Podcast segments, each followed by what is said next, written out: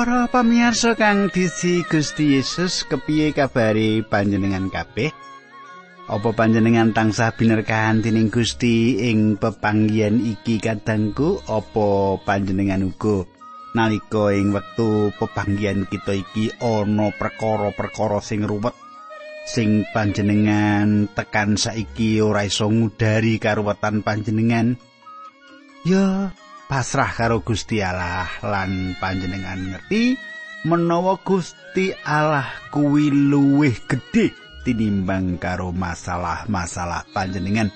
Awit saka iku tak suwun panjenengan tambah sumarah tambah cecaketan karo Gusti Allah lan nyuwun supaya kabeh coban kabeh karuwetan iku enggal-enggal diluari Kaya padatan aku pendeta Pujianto bebarengan karo panjenengan ngancani panjenengan watara telung puluh menit iki.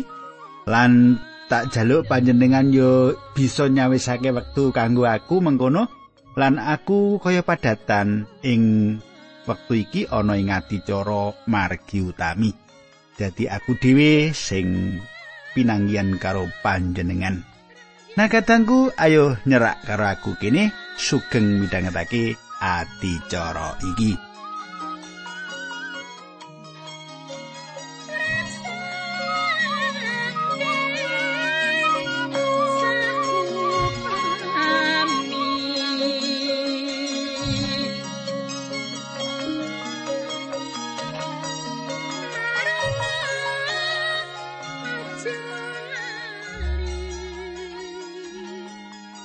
Para pamirsa, Kita wis nyinau bab dawe Allah lelantaran Nabi Musa.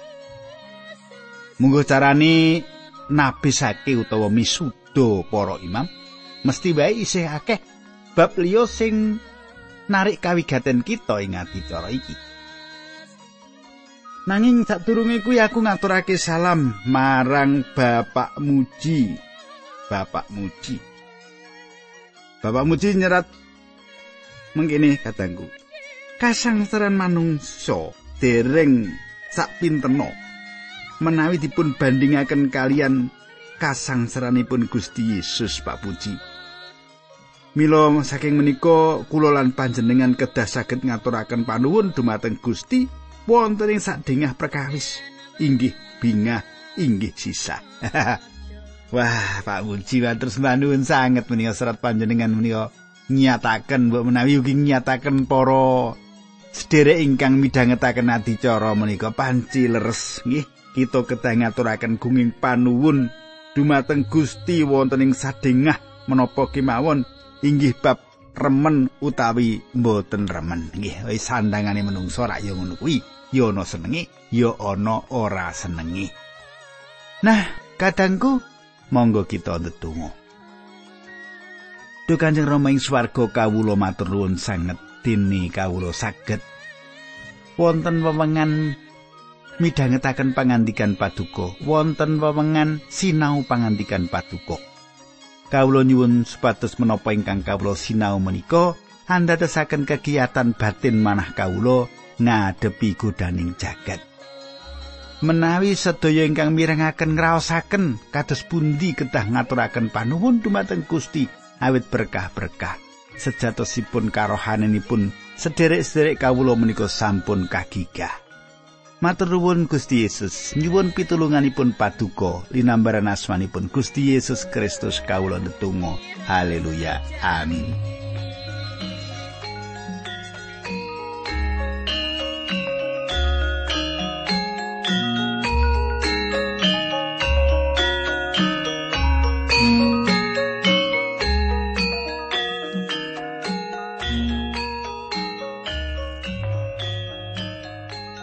Kadangku kita bakal miwiti bab 8 ing kitab kaimaman iki yaiku diteruske ayat 14 lan sak teruse. Mbok menawa panjenengan durung nyawisake kitab suci ya, apik menawa panjenengan nyawisake kitab suci, kita saiki sinau ing kitab kaimaman. Bab 8 ayat 14 mengkini surasane. Musa banjur njupuk sapi lanang nom siji disaosake dadi kurban pangruwating dosa Harun lan anak-anake banjur padha numpangake tangane ing endase sapi. Pangandikan iku kadangku sapi lanang, sapi lanang minangka korban nebus dosane para imam. Padha numpangake tangane ing sak dhuwure ndas sapi mau. Iku mawa teges dosa-dosane dipindahake menyang sapi lanang sing dadi korban mau. Iki sawijining tondo yen para imam uga wong dosa. Senajan para imam mau padha ngladosi Allah. Para umat Allah, tangsa eling lan ngelingi yen kahanan uripe iku kebak dosa. Yen panjenengan ora ngakoni, yen panjenengan iku minangka jejere manungsa sing dosa, panjenengan ora bakal sowan marang Gusti Yesus. Panjenengan ora bakal sowan Gusti Yesus. Mboten Pak Puji. Kula mboten wong dosa, kula wong apik. Wong kula niku ora tau ngapa-ngapa kok. Menawi panjenengan ngoten niku ora bakal sowan marang Gusti Yesus. Saiki ayat 15. Sapine nuli disembelih Musa njupuk gedhe sawetara dileletake nganggo drijine ing sungu-sungu sing ana pojok-pojoke mesbeh supaya mesbeh mau disucikake kagem Allah. turahane getih banjur disiramake ing sikile mesbeh mubeng mengkono patrape mesbeh mau disucikake lan disaosake marang Allah manut pernataning Allah ayat 16 lan 17 Sawise kuwi Musa banjur njupuk gajih sing nemplek ing jeroane sapi sing wis disembelih mau uga njupuk peranganing ati sing apik dhewe lan ginjel sak gajih kabeh mau nuli diobong ing mesbeh turahane sapi mau ya daging lulang sarta ususe diobong ing sanjabane kemah kaya sing didhawuhake dening Allah. Coba panjenengan katakake pangandikan mau. Sisane korban diobong nganti entek. Iki nandhake yen kita ora duwe apa-apa. Ora duweni udu, urun ing panyalipane Sang Kristus. kamirahane ana sarirane Sang Kristus sing wis netesake rah kanggo kita. Senajan Gusti Yesus nganti sakabeng dosa kita, nanging panjenengane ora dilepeti, diregeti dening dosa. Panjenengane didosakake nanging kahanane pisah karo wong-wong dosa. Saiki kaimaman 8 ayat 18 nganti selikur. Mengkini, Musa banjur njupuk wedhus gembel lanang kanggo kurban obongan. Harun lan anak-anake padha numpangake tangane ing endase wedhus mau. Musa banjur nyembelih kewan kuwi gedhe disiramake ing sikile mesbeh mubeng. Sawise kuwi wedhuse banjur ditengkel-tengkel jeroane lan sampile diresiki nganggo banyu. Endas gajih lan turahan liyane diwobong ing mesbeh miturut dawuh Allah marang Musa. kuwi korban daran sing diobong lan gandani gawe renane penggalihe Allah. Coba panjenengan gatake pangandikan iku.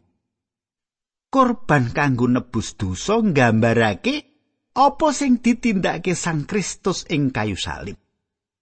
Korban bakaran, korban obongan nggambarake sapa to pribadine Sang Kristus iku. panjenengan ora bisa kenal yen ora sowan marek dhisik marang panjenengane lan kaparingan kawilujengan jalaran pracaya. Sarto pracaya yen panjenengane wis dadi ganti panjenengan sing kudune panjenengan ki nampa paukuman. Nanging paukuman sing kudu ditampa panjenengan iku dirembat ing panyalipane Gusti Kristus. yen wis ngono panjenengan wis dadi pasamuane perjanjian anyar sing ndarbeni kewajiban ngedum salome Sang Kristus karaharjane Sang Kristus. Ngedum-edum apa wae sing saka Sang Kristus? Yen panjenengan pancen wis nampa kawilujengan peparingi mau saiki ayat 23 nganti 24 kitab kaimaman bab 8 Musa banjur njupuk wedhus gembel lanang sing kapindho kanggo netepake imam. Harun lan anak-anake numpangake tangane ana ing endase kewan mau. Musa banjur nyembelih kewan kuwi lan njupuk getihe setitik dileletake nganggo drijine ing kupinge Harun sing tengen, jempole tangan tengen lan jempole sikile tengen. Anak-anake Harun banjur dikon maju, Musa banjur ngleletake getih ing kupinge tengen anak-anake Harun mau ing jempolane tangan tengen sarta ing jempolane sikil tengen. Kadangku coba panjenengan gatekake. Kuping dileleti getih.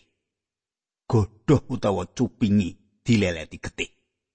Kuwi nandhakake yen tansah kepengin ngrungokake dawuhe pangeran Allah. Tangan uga diosero-seri getih nandhakake sregep ibadah. Sikil sing dileleti getih mertandhakake yen sregep makarya kagem Gusti. Iki kabeh kudu dicaosake Allah. Kagem kamulyane Allah. Ya, eling ya iki ya. kuping nggo ngrungokke, tangan nggo makarya, eh, tangan nggo ibadah, sikile nggo makarya, ya. Saiki panjenengan gathake ayat selawe nganti telung puluh rada dawa ya. Musa banjur njupuk gaji kewan mau, gaji sing ana ing buntut lan sakabeh gaji sing nemplek ing jeroan banjur perangane ati sing apik dhewe, ginjil sakaji sarta sampel mburi sing tengen. Nuli njupuk roti tanpa ragi saka wakul disausake marang Allah roti kandel siji sing diolah nganggo lenga lan roti tipis siji roti mau ditumpangake ing gajih lan sampel kewan sing dinggo kurban mau. Barang-barang mau kabeh diselehake ing tangane Harun lan anak-anake sing banjur padha nyaosake dadi sesausan mligi tunjuk marang Allah. Sawise mengkono Musa banjur jupuk barang-barang mau saka tangane Harun lan anak-anake diobong ing mesbeh ditumpangake ing kurban obongan dadi kurban tetepan kuwi kurban daharan sing gandani gawe renaning penggali Allah. Musa banjur jupuk daging dadane kewan mau lan disaosake dadi kurban mirunggan kunjuk marang Allah. Kuwi dadi bagiane Musa saka wedhus gembel lanang mau sing dinggo kurban tetepane imam. Musa nindakake mau kabeh kaya sing didhawuhake dening Allah. Saiki ayat 30 Lengo jebat lan getihe salong dijupuk Musa diciprat-cipratake marang Harun lan anak-anake sarta marang penganggone mengkono patrape Musa anggone nucakake para imam lan penganggone kunjuk marang Allah. Coba panjenengan gatek ayat-ayat sing tak waca mau. para imam lan imam Harun diwisuda ditabisake diteguhake kanthi apa? Kanthi tetesing getih getih sang Kristus sing dinggo pangapurane dosa. Lengo nggambarake pangurapaning roh suci. Iki kaya dene pangandikane Gusti Yesus marang Yohanes. Coba Yohanes 17 ayat 19 lan kangge keperluanipun tiang-tiang menika kawula masrahaken badan kawula dhateng paduka supados tiang menika inggih saestu anggenipun nucekaken badanipun kados dene tiang-tiang ingkang sampun paduka sengker kagem paduka piyambak kadangku urip kita iki wis sakmestine yen bisa mitulungi liyan saka kahanan donya iki tumuju ing ngarsane Sang Kristus saiki kita terusake maca ayat 31 nganti ayat 36 kaimaman bab 8 mau.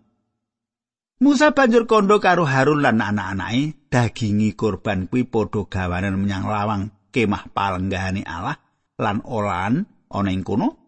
Sawise kuwi padha panganan karo roti sing ana ing wakul sing dinggo wadah ing upacara tetepan kaya sing didhawuhake dening Allah. Daging lan roti sing turah kudu diobong nganti entek pitung dina lawase kowe kabeh ora kena metu saka lawange kemah palenggahane Allah sawise upacara tetepan iki rampung kowe lagi kena lunga. Alandawi kita nindakake apa sing kudu kita lakoni ing dina iki kersane supaya dosa-dosamu kabeh diapura.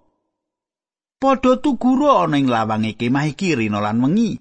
Lawase pitung dina karo netepi apa sak dawe Allah yen ora mengkono kowe bakal mati. Mengkono dawe Allah marang aku. Harun lan anak-anake padha nglakoni kabeh sing didhawuhake dening Gusti Allah lantaran Musa mau. Coba panjenengan semak apa kang dingendikake ana kitab suci ki mau. Harun lan anak-anake dudu nindakake kewajiban ing lawang kemah suci. Semono Imam Agung kita tansah ndongakake kita ing ngarsane Allah. Saupama panjenengan lagi ngalami pepeteng, nandang momotan kang abot. Allah kersa rawuh. Allah kersa paring pitulungan dumateng panjenengan. Panjenengane Allah kita tansah sumadyo nulungi kita. Percaya wae. Semitraku kita saiki mlebu ing panggegilut kaimaman pasal songo ayat siji loro mengkini surasani. Sawise upacara tetepan rampung esuke Musa ngundang Harun lan anak-anake sarta para pinituwaning umat Israel. Musa kondo karo Harun. Jupuo pedet lanang nom siji lan wedhus gembel lanang siji sing tanpa cacat kanggo kurban obongan konjuk marang Allah. Sapine lanang kanggo kurban pangruwating dosa lan wedhuse gembel kanggo kurban obongan. Kadangku coba semak pangandikan mau ya. Ing dina sing kawolu, Imam Harun wis piwit ngayahi kewajibane dadi Imam Agung. Dina sing kawolu tegese dina kawitan ing minggu iku. Dina kapisan iku dina wungune Gusti Yesus saka antare wong mati. Gusti Yesus jumeneng Imam Agung sawise sedane lan wungune saka antarane wong mati. Saiki coba panjenengan gatekake layang Ibrani 8 ayat 4 ya iki jenengan takjak mlayu rono dhisik. Saupama Gusti Yesus ana ing bumi iki panjenengane babar pisan ora perlu jumeneng imam. Awit wis akeh imam-imam sing nyaosake kurban manut Taurat Yahudi. Kuwi layang Ibrani 8 ayat 4 surasane mengkono kuwi. Ayo saiki kita bali ning kitab Kaimaman neh ayat 10 lan 11. Mengkene surasane. Barang-barang mau mewujud pangan omben-omben dan toto cara warna-warna bab resik kuwi mau kabeh pernatan-pernatan toto lahir sing kanggone mung tekan wektune samu barang kabeh kaanyarake dening Gusti Allah. Nanging Sang Kristus wis rawuh jumeneng Imam Agung tumraping barang-barang luhur sing wis ana ing kene. Panjenengane nindakake peladosane ana ing kemah kang luwih agung lan luwih sempurna. Kemah mau ora digawe dening manungsa, tegese ora klebu perangane donya sing dititahake iki.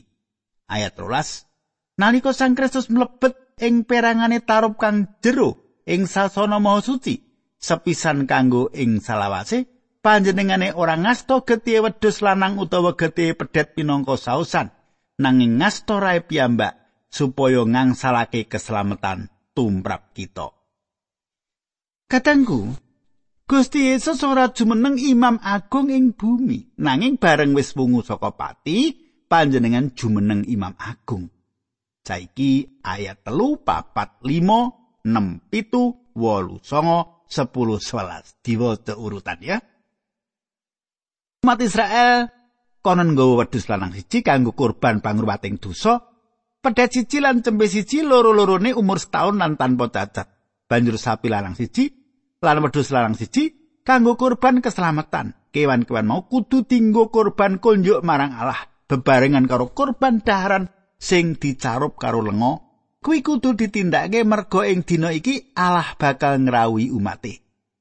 kabeh sing didhawuhake Musa mau padha digawa ing ngarep kemah lan umat kabeh padha nglumpuk ing kono padha sungkem sujud marang Allah Musa banjur kondo kowe didhawuhi nindakake kuwi mau kabeh supaya kowe bisa padha weruh kamulyane Allah sing ngiram-iramake banjur tratu karo Harun menyang mesbeh korban pangruwating dosa lan korban hubungan iki sausno supaya oleh pangapuraning dosamu lan dosane umat tindakno manut dawi Allah.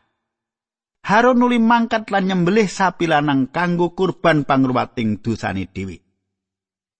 Sawise mengkono getih kewan mau digawa anak-anake marang Harun, Harun nyelopake drijine ing getih mau, dileletake ing sungu-sungu ing pojok ing mesbeh, turahane disiramake ing sikile mesbeh mupeng. Gajih ginjelan perangane ati sing apik dhewe diobong ing mesbeh kaya sing didhawuhake dening Allah marang Musa. nanging daging lan lulangi kewan mau diobong ing sanjabane kemah. Kadangku, lumrahe korban bakaran dicaosake dhisik nuli lagi korban panebuse dosa. Jalaran korban iki diaturake saka paningane pangeran Allah. Nanging upacara iki kuwalik. Korban pangruwating dosa malah didhisikake. Kenapa to? Jalaran nalika kita sowan ngarsane Allah migunakake paningali manungsa sowan kanthi momotan dosa, mula dosane kudu wis dirampungake dhisik. Saiki ayat 13, 13, 14, 15, 16. Ya, tak wacani. Mono ake ya. Coba panjenengan gateke wiwit ayat 13. Harun banjur njupuk kewan sing arep dinggo kurban hubungan kanggo awake dhewe nuli disembelih Getih digawa dening anak-anake dipasrahake marang Harun. Harun nyiramake getih mau ing lambungi mesbeh mubeng. Etrulas ndas lan perangan-perangane liyane uga dipasrahke marang Harun banjur diopong ing mesbeh. Ayat teruse jeroan lan sampile kewan mau banjur diresiki nuli diopong ing mesbeh ditumpangake ana ing turahane kurban hubungan.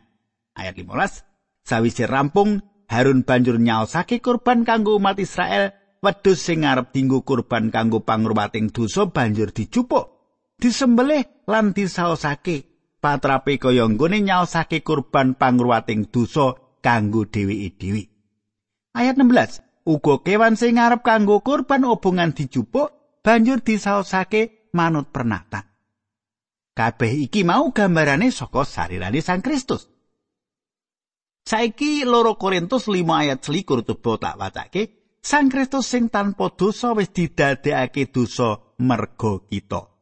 Supaya srana nunggal karo Sang Kristus kita padha karukunake karo Gusti Allah. Katangku Gusti Yesus ngrembat sakabeng dosane manungsa sing dirembat ing sarirani. Saiki kaimaman bab songo pitulas nganti ayat 24. Dawa tak wacake meneh panjenengan gatekake.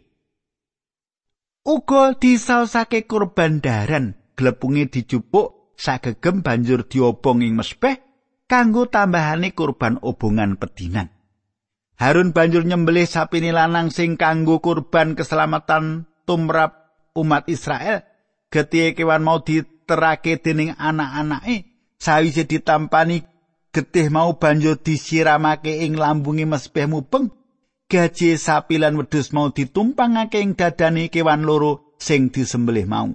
Banjur digawa menyang mesbeh, gaji banjur diobong ing mesbeh.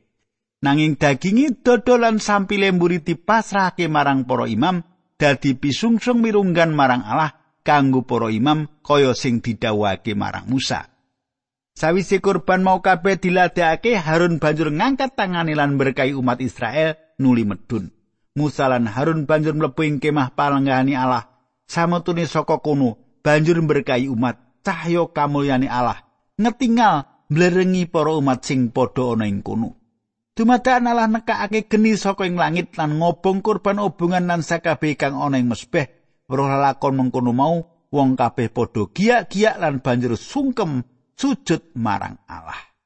Kadangku kita wis sinau bab kurban telung perno. Kurban ubaran, kurban kawilujengan, lan kurban pangruwating dosa. Muga kanthi andharan iki panjenengan bisa kawubuhan pangerten panjenengan lan ndadekake sentosane iman panjenengan. Monggo kita ndedonga.